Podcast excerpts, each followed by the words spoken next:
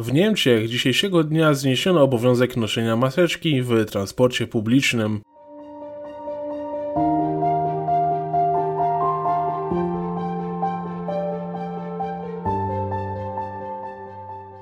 W całych Niemczech z autobusów i pociągów można znów korzystać bez maseczek. Po prawie trzech latach koronawirusa jednymi z lobbystów odnośnie zdjęcia obowiązku noszenia maseczki był Deutsche Bahn, już kilka tygodni temu opowiadał się publicznie na temat zakończenia noszenia maseczek w środkach transportu. Rzecznik Związku Niemieckich Firm Transportowych powiedział: Z punktu widzenia branży, biorąc pod uwagę sytuację związaną z pandemią, obowiązek od dawna nie był konieczny.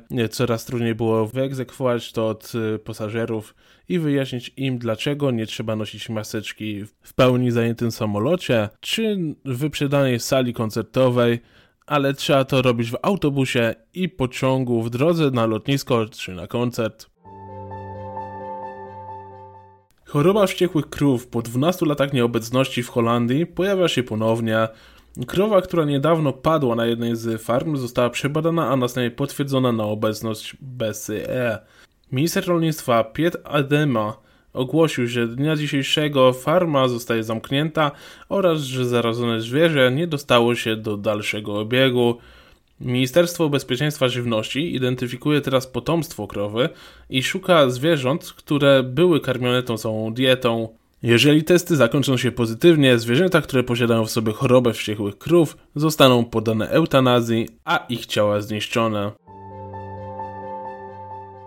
Przenieśmy się na chwilę do Federacji Rosyjskiej, w której Władimir Putin podpisał dekret zakazujący sprzedaży ropy naftowej do krajów przestrzegających ustalonych przez Zachód limiterów cenowych na rosyjską ropę. 5 grudnia 2022 roku państwa Unii Europejskiej zgodziły się na ograniczenie rosyjskiej ropy do 60 dolarów za baryłkę i co dwa miesiące mają zostać wykonane przeglądy cen ropy, aby cena pozostała 5% poniżej poziomu odniesienia Międzynarodowej Agencji Energii.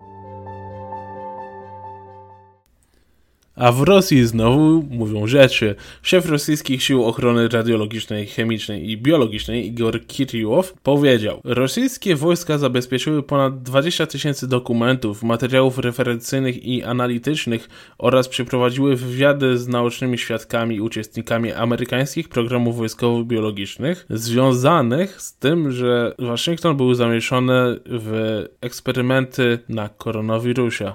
E, wszystkie dokumenty miały zostać zdobyte z biolabów umieszczonych na terytorium Ukrainy.